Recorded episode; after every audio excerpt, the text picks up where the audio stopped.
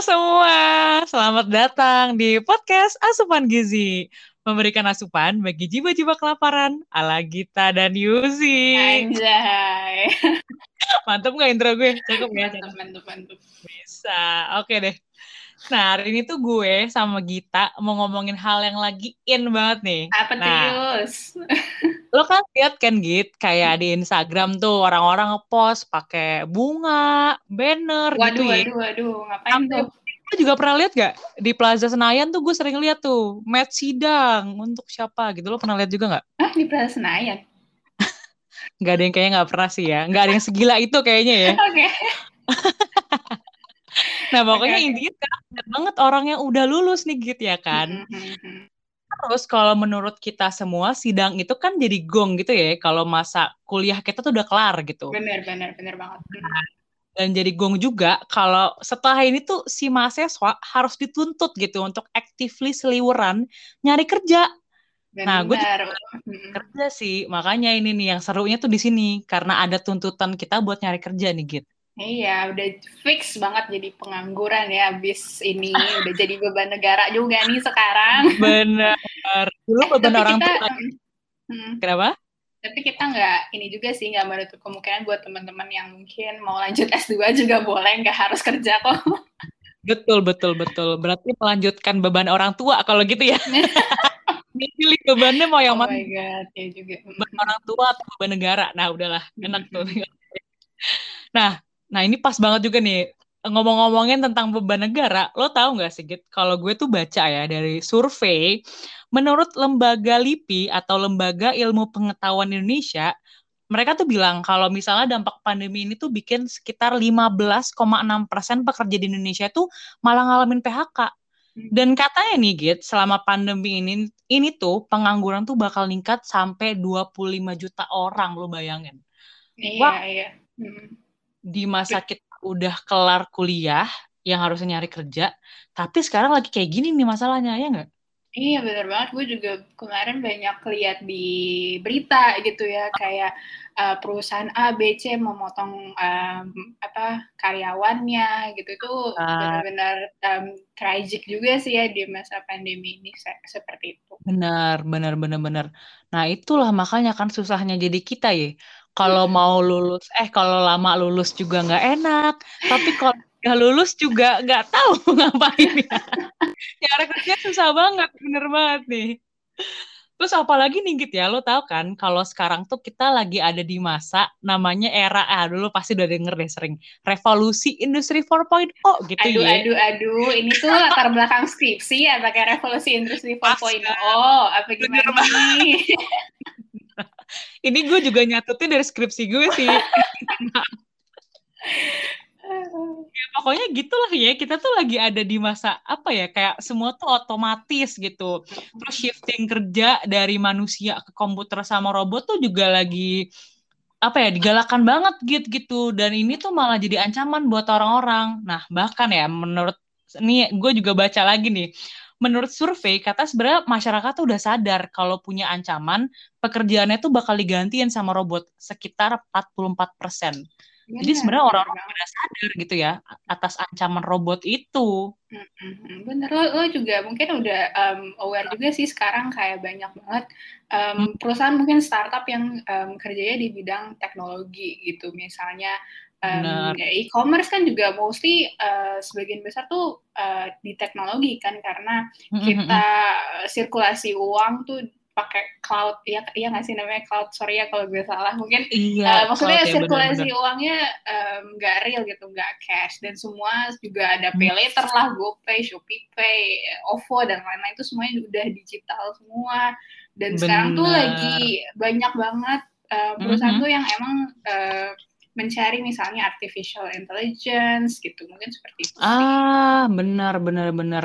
Yang ngegantiin peran dari manusia itu ya. Betul. Bahkan bisa jadi di apa ya, di beberapa tahun ke depan udah jarang kali ya kita ngeliat uang tunai gitu ya gitu ya gara-gara Ya ada oh GoPay.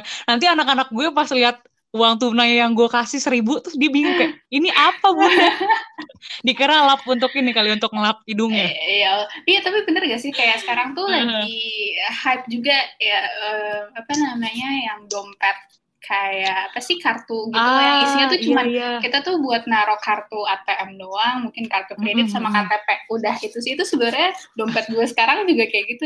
Oh iya. kayak cuma ditaruh di tas aja apa enteng. ah iya sih, lebih efisien juga ya. Iya lebih efisien. Bener-bener. Lo bisa taruh aja langsung di belakang HP lo juga sabi kan ya untuk iya. itu. Eh, iya bener sekarang tuh banyak juga nggak sih? Um, uh. Kayak gue dulu juga pernah deh waktu kita masih kuliah ya, waktu hmm. kita masih um, PP kereta itu gue naruh kartu imani gue tuh di belakang handphone. Oh iya, bisa iya. langsung ke tap. Uh, kayak kayak kadang tuh suka agak nggak scan ya tapi uh, maksudnya biar gampang gitu loh dan kalau di kantong sana kan takutnya suka uh, apa namanya jatuh apa gimana terus kalau ditaruh bener. di tas gue harus ngubrak ngabrik dulu sedangkan kita kalau mau ngetap kereta kan tahu kan kayak Wah, mau berantem tuh rame banget apalagi di stasiun UI ya. Aduh ya Allah iya, gue kalau gue kalau nih ya udah mau stasiun UI tuh gue udah ancang-ancang tuh udah kayak mau lari estafet lo tau gak sih? Mau berebut siapa paling depan masalah gitu untuk ngetap. Bener-bener iya. gue setuju tuh untuk okay. itu. okay, nah makanya gitu gara-gara itu tuh git si persaingan kerja tuh jadi gila banget gitu kan. Sekarang perusahaan tuh bakal lagi nyari nyari mana nih kandidat-kandidatnya yang lebih oke okay daripada yang lainnya lah intinya gitu Nah, maka dari itu, gue lagi mau ngebahas nih sama lo nih hari ini. Gimana sih sebenarnya perspektif jadi HRD yang apa ya, yang menilai orang gitu, yang rekrut orang, yang rekrut orang-orang yang lagi nyari kerjaan nih sebenarnya gitu. Nah, hari ini nih kita bahas nih sekarang gitu. Tapi sebelum ke pembahasan, gue mau nanya dulu nih. Gimana? Jadi ada berapa orang yang udah lo tolak-tolakin gitu untuk gitu?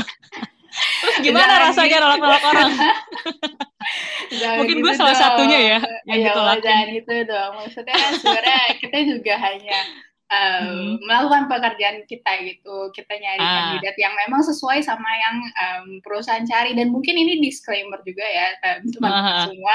Gue tuh bukan expert di bidang rekrutmen atau kayak gue udah belasan tahun di hmm. rekrutmen enggak gue cuman ada sedikit dikit banget pengalaman itu gue uh, adalah di bidang rekrutmen sedikit banget dan uh, mungkin uh, dari pengalaman gue ini uh, Yuzi dan mungkin teman-teman lainnya juga bisa apa ya memetik satu dua hal lah jadi Benar. mungkin disclaimer itu aja karena nanti takutnya gue di attack nih salah nih gue ngomong ABCD sumpah gue bukan um, expert gue hanya sharing okay. pengalaman gue aja sih selama uh, mungkin bahkan belum setahun gue di rekrutmen ini sih sejujurnya.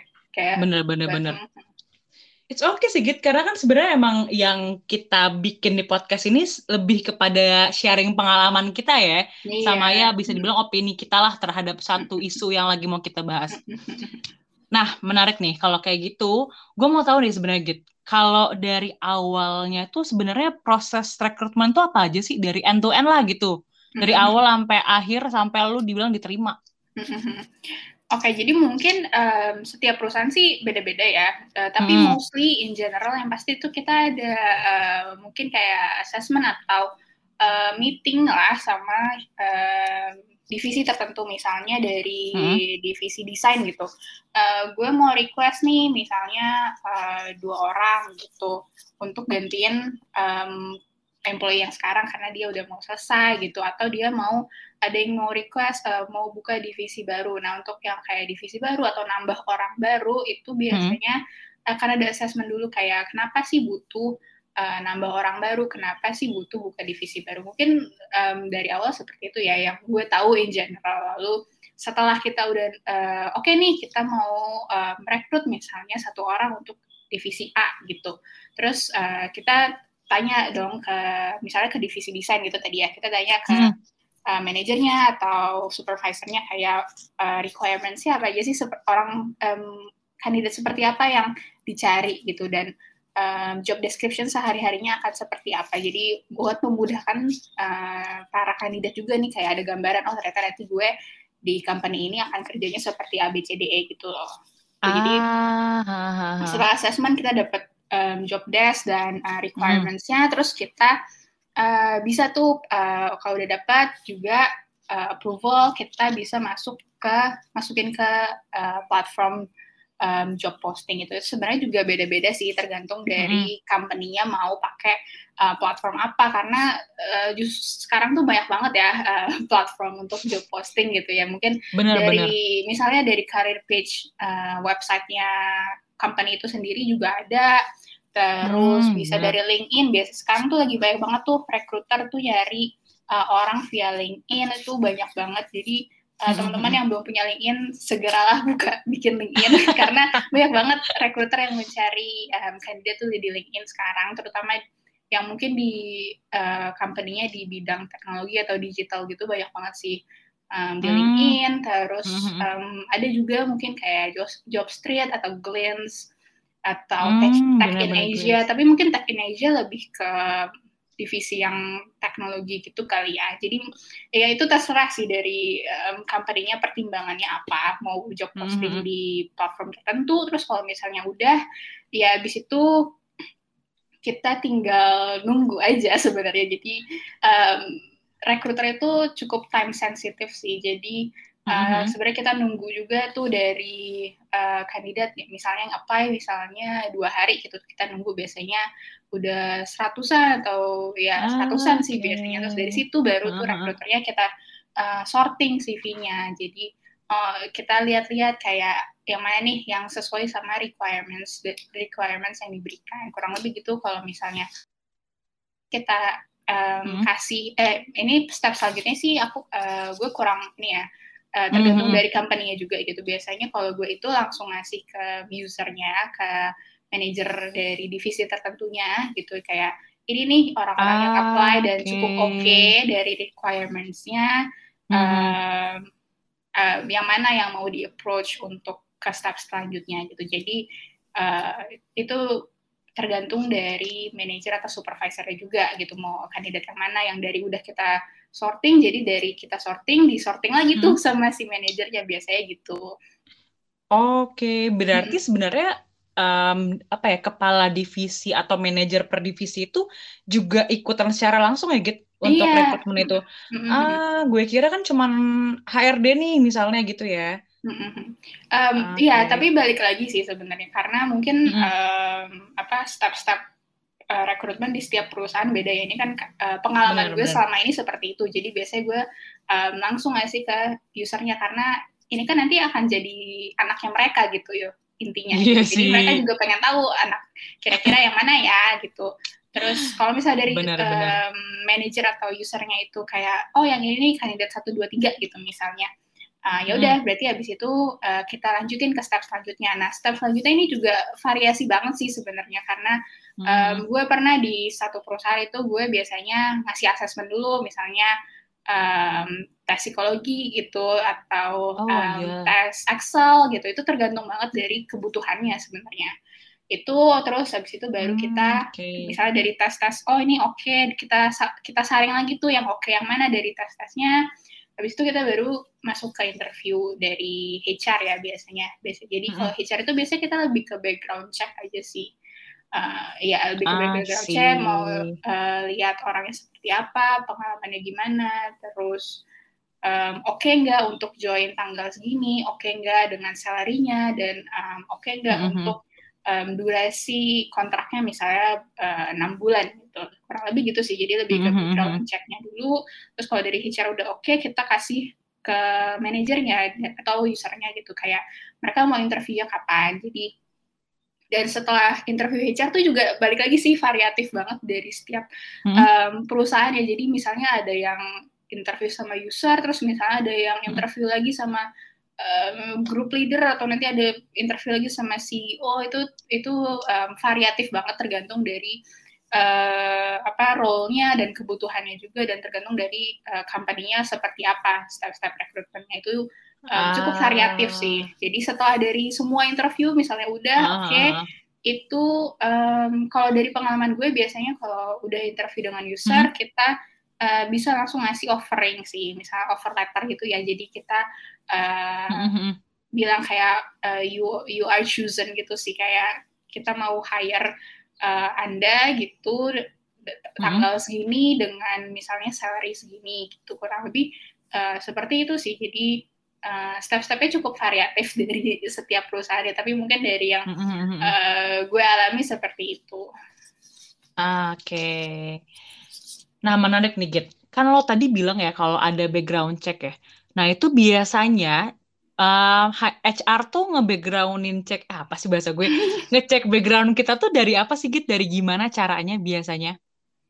Kayak kalau background check, um, balik lagi sih tadi. Uh -uh. Sebenarnya dari CV kan juga kelihatan ya, kayak misalnya dia pengalamannya udah berapa tahun di misalnya di company tertentu pengalaman mm -hmm. apa aja gitu kalau kalau uh, gue biasanya itu lebih nanya ke uh, pengalaman di company sebelumnya sih kayak mau tahu oh, okay. uh, dia nggak pernah ngapain aja challenge yang dia um, lihat atau dia hadapi itu apa aja. Terus uh, mm-hmm. achievement achievement di company sebelumnya tuh um, apa aja kurang lebih gitu sih kalau background check. Terus uh, sama tadi sih kayak um, salary expectation. Misalnya dia ekspektasi salarinya berapa sih untuk di role ini gitu. Nanti itu kita bisa um, cocokin sama uh, company-nya juga kayak ini oke okay nggak ya dia salary expectation-nya segitu terus aspirasi okay. career aspiration-nya misalnya dia um, pengen misalnya dia apply di UX design gitu mm-hmm. misalnya ya terus dia emang karir aspirationnya pengen uh, di bidang desain dan pengen di UX itu kan berarti memang cukup match ya sama karir aspirationnya dia dengan sama company kita gitu tapi kalau misalnya karir aspirationnya juga agak berbeda itu juga bisa jadi pertimbangan sih sebenarnya terus hmm. um, sama tadi sih kayak bisa nggak join tanggal sekian misalnya atau mm-hmm. dengan durasi misalnya tadi enam bulan gitu dia oke okay apa enggak itu sebenarnya lebih ke pertimbangan itu sih. Oke. Nah, gue mau nanya juga deh, Git. Pernah nggak lo ada pengalaman, kan kita tuh harus, uh, kandidat tuh bakal ditanyain kan, salary expectations-nya tuh mereka berapa gitu.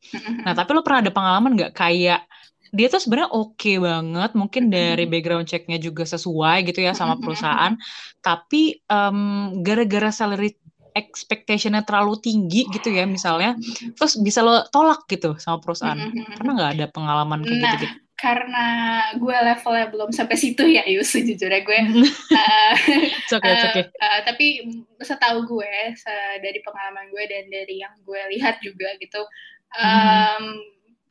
company juga akan tetap ini sih uh, menyeimbangkan sama um, salary-nya gitu dan kalau misalnya memang salary yang kita tawarkan misalnya uh, dua gitu tapi dia mintanya delapan. Itu kan jauh banget ya. Jadi uh, iya sih. Jadi mungkin tetap dipertimbangin tapi mungkin kalau misalnya memang saya expectationnya terlalu jauh dari budget kita itu mungkin uh, bisa jadi juga uh, enggak sih. Tapi tetap kita offer dulu gitu. Misalnya kita cuma bisa ngasih segini nih eh mm-hmm. ya kita cuma bisa offer segini nih gitu. Uh, jadi balik lagi juga sih ke kandidatnya oke okay apa enggak gitu sih. Oke, jadi masih bisa dipertimbangkan lah ya untuk itu. Hmm. Oke. Nah, terus Kit sebenarnya nih ya, selama lagi rekrutmen itu tuh, apa sih sebenarnya yang jadi pertimbangan si perusahaan selain tadi kalau kan lo udah sempet nyebut tuh background check gitu ya sesuai apa enggak sama perusahaan sama mungkin salary expectations-nya yang sama gitu sama perusahaan kira-kira apa lagi yang biasa dipertimbangin yang jadi bahan pertimbangan lah sama perusahaan untuk nge-hire lo gitu, nge-hire kita semua. Iya, ya. kalau misalnya mungkin dari HR-nya ya. Jadi kalau misalnya hmm. pas kita nyaring atau shortlisting gitu, uh, yang pasti dari CV-nya dulu. Um, hmm. kayak CV-nya sesuai nggak misalnya dia apply untuk tadi desain tapi dia nggak ada pengalaman di desain terus ya nggak yang nggak ada pengalaman hmm. yang mendukung hmm. gitu tapi gue nggak nggak bilang kayak misalnya lo dari akuntansi lo nggak boleh um, apply di bidang desain yang enggak juga gitu. Selama lo punya mm-hmm. pengalaman di bidang desain dan punya portofolio yang mendukung, menurut gue nggak um, apa-apa banget sih kalau misalnya lo dari education background yang berbeda gitu. Mungkin seperti okay. itu sih. Tapi yang penting uh, lo ada pengalaman yang mendukung dengan dari hal itu atau ada skill-skill yang mendukung juga sih. Terus uh, hmm. tadi balik lagi untuk skill misalnya kita butuh um, orang yang bisa um, adopt Photoshop atau bisa JavaScript gitu. Dia hard mm-hmm. hard hard skill seperti itu sih yang uh, itu sebenarnya lebih ke detail dari um, per role gitu sih. Jadi uh, ya soft skill, mm-hmm. hard skill itu juga uh, pasti kita pertimbangin yang dari kandidat uh, punya tuh soft skill apa, hard skill apa. Tapi mungkin in general hmm. misalnya untuk uh, kita mau cari anak magang gitu buat internship itu pasti kan hmm. kita nyarinya yang mahasiswa gitu. Nah, mahasiswa yang mungkin in general seperti itu atau misalnya untuk staff paling nggak pengalamannya 2-3 tahun, 1-2 tahun atau kalau misalnya udah senior mungkin kita butuhnya yang lima tahun ke atas jadi uh, in general gitu sih jadi untuk mungkin anak magang itu levelnya mungkin mahasiswa untuk staff untuk hmm. itu levelnya mungkin satu dua tahun pengalaman kalau senior bisa lebih lama dari itu jadi um, sebenarnya balik lagi dari requirementnya juga sih kita butuhnya orang benar, seperti benar. apa jadi sebenarnya kita tinggal uh, match aja sama orang-orang um, yang memang kita cari seperti itu terus uh, okay. mungkin kandidat juga ini sih hmm? Uh, gimana gimana terus terus? Oh, Oke, okay. ya, ya jadi mungkin uh, kandidat itu juga secara nggak langsung tuh uh, saing bersaing gitu sama kayak yang lo Bener. ngomongin tadi bersaing sama ratusan kandidat lainnya ya, secara nggak langsung gitu ya. Jadi mm -hmm. uh, kalau tips dari gue mungkin lo bisa apply ke suatu job itu lebih cepat lebih baik sih. Misalnya uh, dia baru job posting kayak sehari yang lalu gitu itu lo buruan aja apply gitu karena kalau dari gue ya kalau dari gue ah. biasanya gue uh, sorting itu dari orang yang pertama awal-awal apply gitu sih. Mm-hmm. uh, jadi mungkin lebih cepat lebih baik. Dan tapi yang penting nggak usah buru-buru gitu. Yang penting lo tetap kuat sama apa yang um, lo apply gitu. Jangan sembarang apply juga sih. Berarti timing tuh penting juga ya Git? Iya cukup cukup. Ah, oke. okay. mempengaruhi juga ya berarti ya? Gue. Tapi um, nggak terlalu sepengaruh itu. Maksudnya ah nggak signifikan mempengaruhi gitu ya? Tapi kalau kalau ini gue ya kalau gue pengalaman gue gue biasa selalu uh, sorting dari yang awal-awal apply sih. Jadi mungkin kalau hmm, apply okay. lebih cepat tuh lebih baik. Gitu. setidaknya tuh lo punya apa ya dapat screening pertama tuh masih fresh lah ya. HRD-nya masih waras gitu ya gitu ya. Iya, oke oke. Nah kan sebenarnya tema kita kan mau lihat perspektif dari HRD nih, Git. Nah, sekarang gue mau nanya nih sama lo nih. Selama lo jadi berkarir nih di HRD, lo pernah nggak ketemu sama kandidat yang fix banget nih diomongin sama perusahaan atau kayak fix banget disebelin gitu sama perusahaan gitu. Uh, yang kayak lo ngeliat aja tuh udah sebel gitu kayak anjir lo nih ngapain dia nge-play gitu maksudnya atau apalah uh, gitu bentuknya. Uh, enggak sih, maksudnya kalau sampai yang sebel terus kita omongnya dia enggak juga gitu karena ya ya okay. kayaknya nggak ada waktu juga gitu buat main kandidat ya bun karena capek gitu. um, Kandidatnya tapi, banyak ya? Iya, uh, tapi paling uh, ada sih beberapa beberapa kayak gue uh, hmm. nemu gitu lagi shortlist CV terus dia CV-nya tuh nggak sesuai gitu. Misalnya uh, kan kita suka disuruh upload gitu ya upload CV gitu atau CV hmm. atau resume kita suruh diupload tapi kadang uh, mungkin orang yang apa ini suka nggak ngeh atau nggak aware dengan nama filenya? gitu. Kadang uh -huh. jadi gue pernah uh, menerima itu skripsi. Jadi skripsinya dia iya jadi harusnya dia upload upload CV-nya tapi malah ke upload hmm. skripsinya gitu. Jadi gue kayak yeah. Hah, bingung banget. Mungkin skripsinya portofolio dia kali sih jadi uh, skillnya itu adalah membuat skripsi iya, bisa jadi kan? Menulis gitu ya. Bisa jadi. skill iya iya gitu sih. Nah oh um, my god itu parah sih. Iya tapi maksudnya gue nggak tahu sih mungkin nggak uh, aware apa gimana atau mungkin dia merasa itu sesuai dengan requirements juga gue kurang Bisa paham jadi. gitu ya uh, tapi uh, ya itu gue kaget sih dapet skripsi orang gitu kayak Hah, kenapa dikirimin skripsinya gitu lu kaget ya sih kan iya. biasanya cuma satu halaman tiba-tiba seratus halaman gitu ya iya terus Aduh, ya ampun, um, oke okay.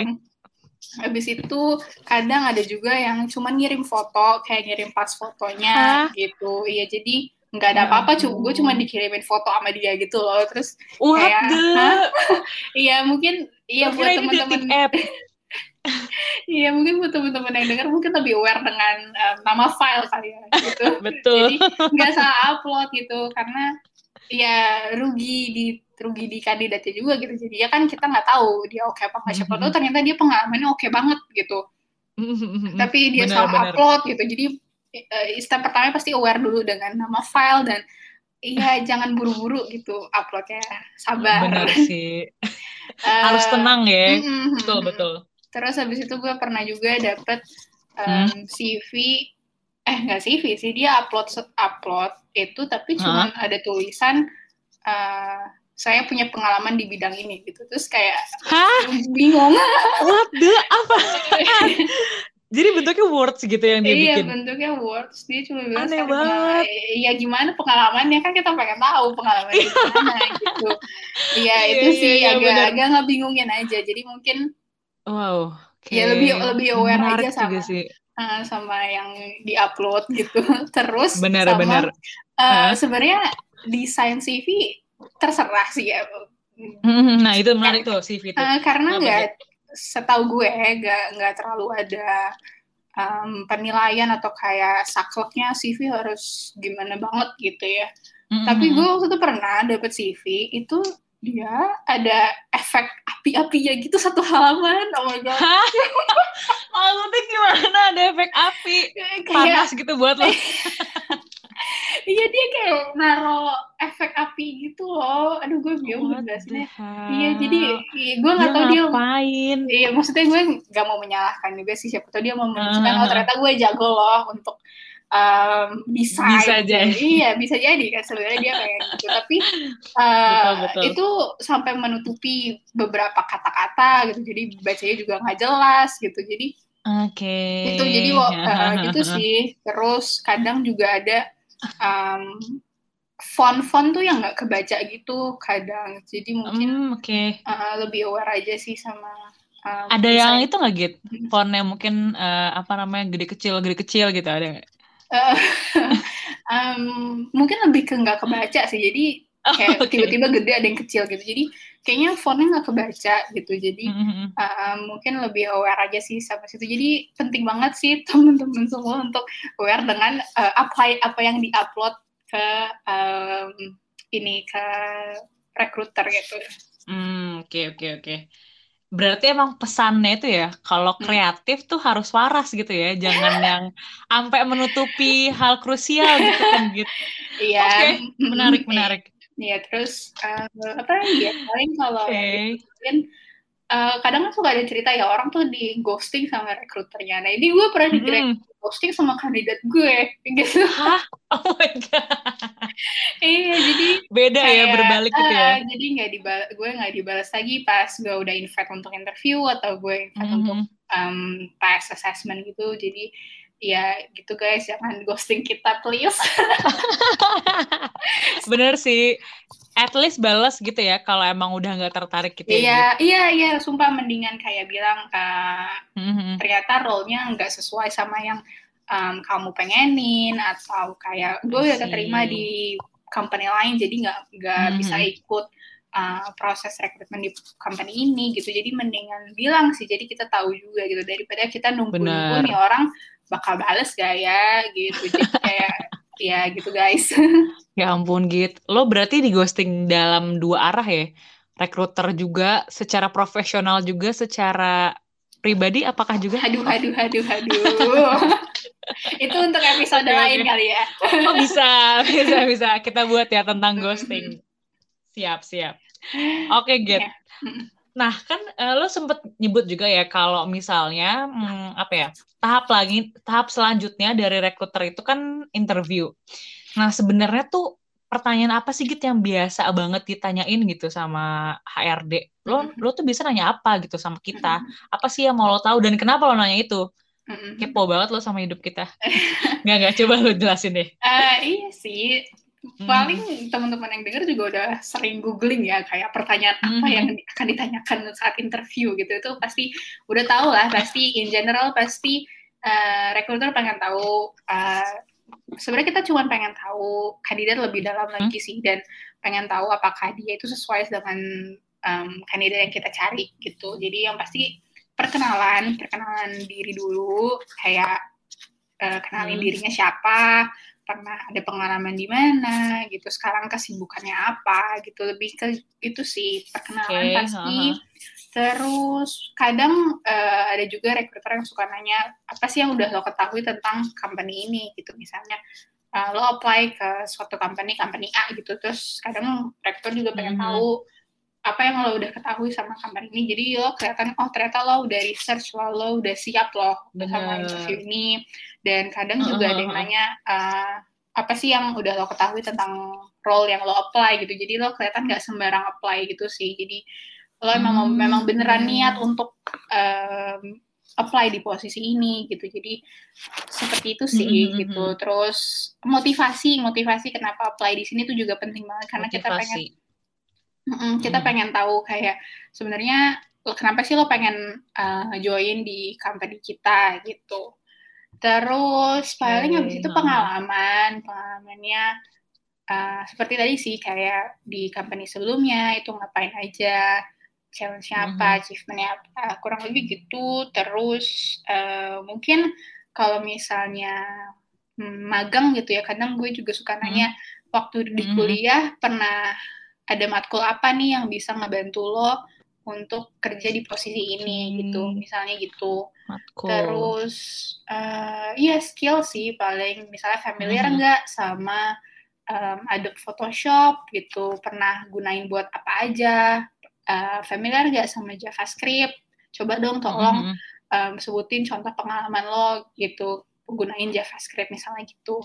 Terus okay. uh, hmm. iya sih tadi kayak tadi misalnya salary expectation, uh, availability to joinnya tanggal berapa, butuh misalnya dia masih kerja nih di company lain gitu. Biasanya kan kita nggak bisa ya langsung ucu-ucu keluar dari company sebelumnya gitu. Biasanya kita butuh um, satu bulan notice gitu sih. Jadi mungkin baru bisa bulan depan joinnya gitu. Mm-hmm. Dan ah, oke okay nggak untuk kontrak misalnya enam bulan atau ya ya tergantung sih dari dari company mau mau offer berapa lama. Kurang lebih gitu sih uh-huh. yang ditanyain. Oke. Okay. eh gitu kalau misalnya nih uh, gue nih ya misalnya jadi kandidat lo gitu. Terus pas lo tanyain tentang motivasi dan gue jawab motivasi gue adalah mendapatkan uang itu gimana gitu pandangan lo nih pandangan um, lo um, itu kan memang jadi motivasi utama ya iya, kita untuk mencari kerja sebetul betulnya gitu iya, ya. Nah kalau dari lo gimana? kalau gue nggak tahu ya gue nggak bisa bilang nggak bisa ngomong uh, ini pandangan semua rekruter di dunia. Enggak ini mungkin uh. ini pandangan gue aja. Karena menurut gue pasti hmm. orang udah tahu lah lo butuh kerjaan butuh duit gitu nggak sih? Betul. Itu hal yang udah pasti banget. Ini menurut gue Iya nggak nggak usah dijelasin juga kita udah tahu gitu kayak pasti lo uh, iya maksudnya kayak kita pasti butuh gaji gitu untuk uh, membiayai kehidupan kita gitu pasti betul, ya betul, itu betul. tapi mungkin lo kita pengen lebih tahu passion lo aja sih kayak ah. kayak tadi sih mungkin sesuai nggak sama aspirasi career aspiration lo gitu misalnya oke okay, oke okay, uh, okay. lo pengen berarti dielaborasi gitu ya iya. kalau butuh duitnya iya bisa okay, bisa, okay. bisa. terus terus gitu tadi lu mau uh, ngomong apa iya iya itu sih paling uh, kalau lu bilang lu butuh duit ya gue rasa semua orang juga butuh, butuh duit gitu oke oke iya jadi setuju, menurut setuju. gue iya gue nggak tahu sih gue nggak bisa ngomong ini sebagai suara sebetulnya kayak seluruh HRD ah. memiliki pandangan yang sama sama gue ya gitu tapi menurut gue mm-hmm. ya gue tau lah pasti orang butuh duit gitu tapi uh, kadang ada juga loh bahkan misalnya kan mungkin sekarang lagi hmm. ada juga ya waktu itu beberapa uh, pengalaman kayak internship tapi nggak dibayar gitu itu kan berarti orang nggak nyari duit gitu ya nggak sih tapi dia nyari pengalaman uh -huh. gitu di di company itu jadi uh, ya hmm. menurut gue itu sih ya kalau butuh duit pasti butuh duit gitu tapi kalau bisa lo lebih menceritakan uh, motivasi yang lebih ke passion lo gimana dan self development mm -hmm. gimana dan gimana sih company ini bisa ngebantu untuk lo mengembangkan diri lo kurang lebih gitu sih oke okay. Ya benar sih ya, berarti butuh duitnya harus bisa dielaborasi dengan cara kasih tahu tentang self developmentnya dia gitu ya gitu ya, aspirasi. Ya, Oke, okay. menarik nih. Thank you tipsnya. Oke oke okay, Git. Nah, bahas tentang itu kan Git, um, interview ya. Nah, kalau lo lagi nginterview orang, apa sih sebenarnya do's and dan-nya lagi kita sebagai yang mau direkrut gitu kan kalau tadi lo sempat juga bilang yang bisa gue simpulkan iya dus and don maaf Maaf nih, apa namanya bahasa Inggris Bekasi jadi gitu ya, Maaf.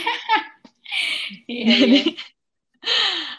gimana gitu dus and don't-nya oh, nih iya, kalau misalnya jadi rekrut eh sebagai yang mau direkrut gitu Git gimana tadi mm -hmm. lo sempat mention kalau sebenarnya untuk bilang motivasi uang tuh ya kurang disarankan lah ya nanti apa lagi gitu kira-kira nih dus and don't-nya Oke, okay. uh, eh, ini dari pengalaman gue ya, jadi gue nggak bisa ngomong untuk rekruter lainnya gitu. Pasti jam terbang mereka uh -huh. juga jauh lebih banyak gitu, uh, dan pasti lebih expert juga. Tapi mungkin se sejauh ini, sepengalaman gue di rekrut huh? di rekrutmen gitu ya. Jadi kalau dus pasti jujur sih, jujur aja sama okay. pengalaman lo gimana gitu dan mm-hmm. kasih jawaban yang sesuai aja sama yang kita tanyain gak usah terlalu rambling ke mana-mana gitu sih. Jadi ya ya kasih jawaban yang memang kita tanya tanyain aja gitu. Tapi kalau misalnya lo mau lo elaborasi lebih uh, baik lagi tuh juga boleh. Tapi ya gak usah sampai terlalu jauh gitu. Misalnya gue pengen minta lo kenalan gitu. Misalnya kenalin mm-hmm. diri terus lo sampai cerita uh, iya misalnya apa ya saya punya dua anjing di rumah namanya Cici dan Koko gitu. Tuh kan nggak nggak relevan gitu ya. Bener eh, lo jadi, ngapain ngomongin itu gitu kan? Iya kecuali jadi, lo ngeplay jadi apa ya di pet shop gitu iya, mungkin bisa kali. Iya mungkin okay, iya okay. mungkin kalau lo apply di yang berbau animal gitu mungkin bisa sih. Jadi mungkin lebih ke kasih jawaban yang kita tanyain aja gitu dan relevan sama pengalaman sama ah. pengalaman dan uh, requirements kita terus apa okay. ya dusnya lagi mungkin um, kasih jawabannya jangan tadi sih nggak nggak usah terlalu muter-muter gitu kali ya to the point aja hmm. yang mau dikasih tahu apa terus kalau don'ts kalau bisa jangan telat karena itu ah, cukup okay, yeah, sih. turn off sih menurut gue pribadi mm -hmm. menurut gue pribadi ya itu agak mm -hmm. turn off karena ya udah kita kan udah ngasih tahu dari misalnya satu atau dua hari sebelumnya gitu. Kayak misalnya jam empat lima belas gitu. Ya udah jam empat lima belas atau sebelum jam empat lima belas udah siap gitu. Jangan telat sih kalau menurut gue. Mm, karena okay. uh, agak merugikan rekruternya juga. Misalnya rekruternya setelah mm-hmm. interview lo interview lo ada interview lagi gitu. Karena lo telat jadinya dia juga telat untuk interview selanjutnya gitu. Jadi ya sama-sama menghormati aja sih menghormati waktu juga gitu. Hmm, betul betul betul. terus, emang agamis banget ya kalau hmm. udah ketelat itu. Iya itu. Okay. terus um, karena uh. sekarang pandemi ya jadi mungkin siapin koneksi internet yang baik aja sih karena uh, iya, koneksi internet tuh penting banget karena gue sempat beberapa kali uh, interview tapi hmm. koneksi hmm. internet internet kandidat itu kurang baik gitu jadi gue nggak bisa dengar oh my gitu. god ah gimana gitu jadi gue cuma dengar uh-huh. empat kali dua kata gitu loh jadi sampai gue minta tolong dia untuk coba boleh tolong jelasin lagi nggak karena tadi uh, internetnya kurang bagus gitu jadi kan gue okay. juga nggak enak ya minta uh, dia jelasin lagi gitu jadi uh, kalau bisa benar, prepare, benar. prepare internet ya dengan koneksi yang stabil sih menurut gue betul. Berarti kepada seluruh provider, tolong ya ini masa depan orang lain, mungkin tolong dibenerin ya untuk iya. sinyal-sinyalnya. Betul betul betul, iya sih Oke. Okay. Tapi gara-gara itu gue jadi ada pertanyaan nih. Um, kan kalau nih misalnya kan tadi lo bilang kalau jawabnya itu yang relevan aja gitu. Nah, tapi git misalnya nih lo ditanya tentang pengalaman terus lo tuh mau terlihat kayak punya banyak gitu pengalaman. Jadinya hmm. lo tuh kayak ngomongin semua pengalaman lo gitu. Nah kalau menurut lo gimana tuh kalau seperti itu? Uh, kalau menurut gue ya hmm. uh, biasanya gue nggak tahu sih ini dari pengalaman gue aja kalau gue hmm. biasanya itu nanyanya udah spesifik sih, kayak misalnya dia punya pengalaman di company A gitu. Nah, terus gue hmm. biasanya langsung bilang, boleh nggak tolong ceritain uh, pengalaman kamu di company A gitu. Jadi misalnya dia tulis company A okay. sebagai uh, misalnya sebagai marketing gitu ya. Terus hmm. ya udah gitu, gue bilang boleh nggak tolong ceritain kamu di company A waktu jadi marketing, itu ngapain aja, hmm. itu daily tasknya ngapain, uh, kerja sama berapa orang, ya kurang lebih gitu sih nah, jadi kalau menurut gue okay. uh, eh, gue nggak tahu ya tapi biasanya jarang sih uh, yang nanya nanya hmm. pengalaman aja gitu nggak spesifik biasanya nanyanya udah spesifik sih misalnya gue mau lo cerita tentang pengalaman lo di uh, company A atau company B atau company C mm -hmm. kurang lebih gitu sih paling use. Oke, okay. berarti sebenarnya pertanyaannya udah menjurus gitu ya gitu ya. Mm -hmm, ya udah lo jawabin aja. Oke oke oke, sip sip sip. Nah terakhir nih Git, nggak sih nggak terakhir, kedua terakhir. kalau kayak gitu Git, kalau menurut lo dari penjelasan lo semua nih dari awal rekrutmen sampai akhir apa sih sebenarnya harus dipersiapin sama kandidat gitu kalau mau lamar? Kalau mau melamar sorry. Oke okay, kalau mau melamar yang pasti uh, dari CV ya. CV-nya mm. ya itu tadi mungkin uh, aware sama nama CV apa jadi nggak salah upload terus nggak upload skripsi ya? Iya uh, terus um, CV-nya yang udah update gitu misalnya hmm, okay. Uh, yang kayak pengalaman lo paling baru apa jangan kayak udah dua tahun gak diupdate gitu. Itu kan kita juga jadi bingung ya ini uh, ya, ya pengalamannya takutnya nggak relevan gitu. Jadi mungkin CV dia bertapa dua tahun kali gitu gua gimana tuh? Waduh jadi nggak ada pengalaman lagi. Oke oke. Ya, ya paling itu sih CV-nya diupdate. Jadi kalau teman-teman mungkin bisa update CV secara berkala aja sih. Jadi mungkin ditambah-tambahin. Okay. Udah ada pengalaman apa aja, terus uh, cari tahu tentang ini sih role dan hmm. company-nya. Misalnya lo apply, lo apply di company A, ya udah lo uh, coba aja sekalian research di uh, company A itu seperti apa Ya, ah, cari di tuh, ini setuju. di apa namanya? Di LinkedIn atau di mana? Bukan di apa sih namanya? Di Google. Diklik bagian about us-nya kalau di websitenya. Oh. Lo coba klik uh -huh. about us-nya deh. Kayak itu kan ada ceritanya tuh dia uh, bisa misalnya establish tahun berapa gitu. Mm-hmm. Terus company-nya bergerak di bidang apa, terus lo bisa research juga di Instagramnya gimana, LinkedIn-nya gimana. Jadi ya research aja sih kecil-kecilan. Jadi lo ada gambaran juga ah, company-nya kayak gimana. Terus lo juga tahu nih misalnya um, apa role yang lo apply itu ngapain gitu jangan asal apply gitu lo nggak tahu role-nya ngapain gitu itu kan merugikan mm -hmm. lo juga ya jadi bingung nanti pas masuk ngapain nih gue di sini gitu ya ampun sedih banget iya terus itu um, mungkin kalau interview latihan sih latihan interview itu juga penting karena gue mm -hmm. sendiri juga uh, walaupun gue per pernah ya cukup sering interview orang tapi gue juga tetap latihan untuk interview gitu sih gue ah, latihan untuk menginterview orang dan gue juga latihan untuk gue di interview, di interview. gitu jadi kadang gue juga udah uh, eh, okay. mungkin tipsnya adalah gue uh, kumpulin nih pertanyaan-pertanyaan yang uh, udah pernah ditanyain sama orang yang pernah nggak interview gue gitu. Gue kumpulin mm -hmm. pertanyaan-pertanyaannya. Terus uh, gue tulis gitu. Uh, misalnya gue ketik ah, di Word aja kayak kira-kira mm -hmm. jawaban gue apa ya kalau misalnya nanti misalnya di next interview gue ditanya seperti ini gitu. Jadi uh, kayak gitu sih. Jadi mungkin latihan aja uh, mm -hmm. buat interview gitu. Terus atau lo ngomong sama temen lo juga bisa. Kayak misalnya kita kayak, kayak, kayak kita call aja Yus misalnya kita call terus dia terus lo nggak interview gue gitu. Itu kan bisa juga ya. mm jadi okay. penting sih kalau latihan supaya lo ditanya nggak ngeblank juga gitu.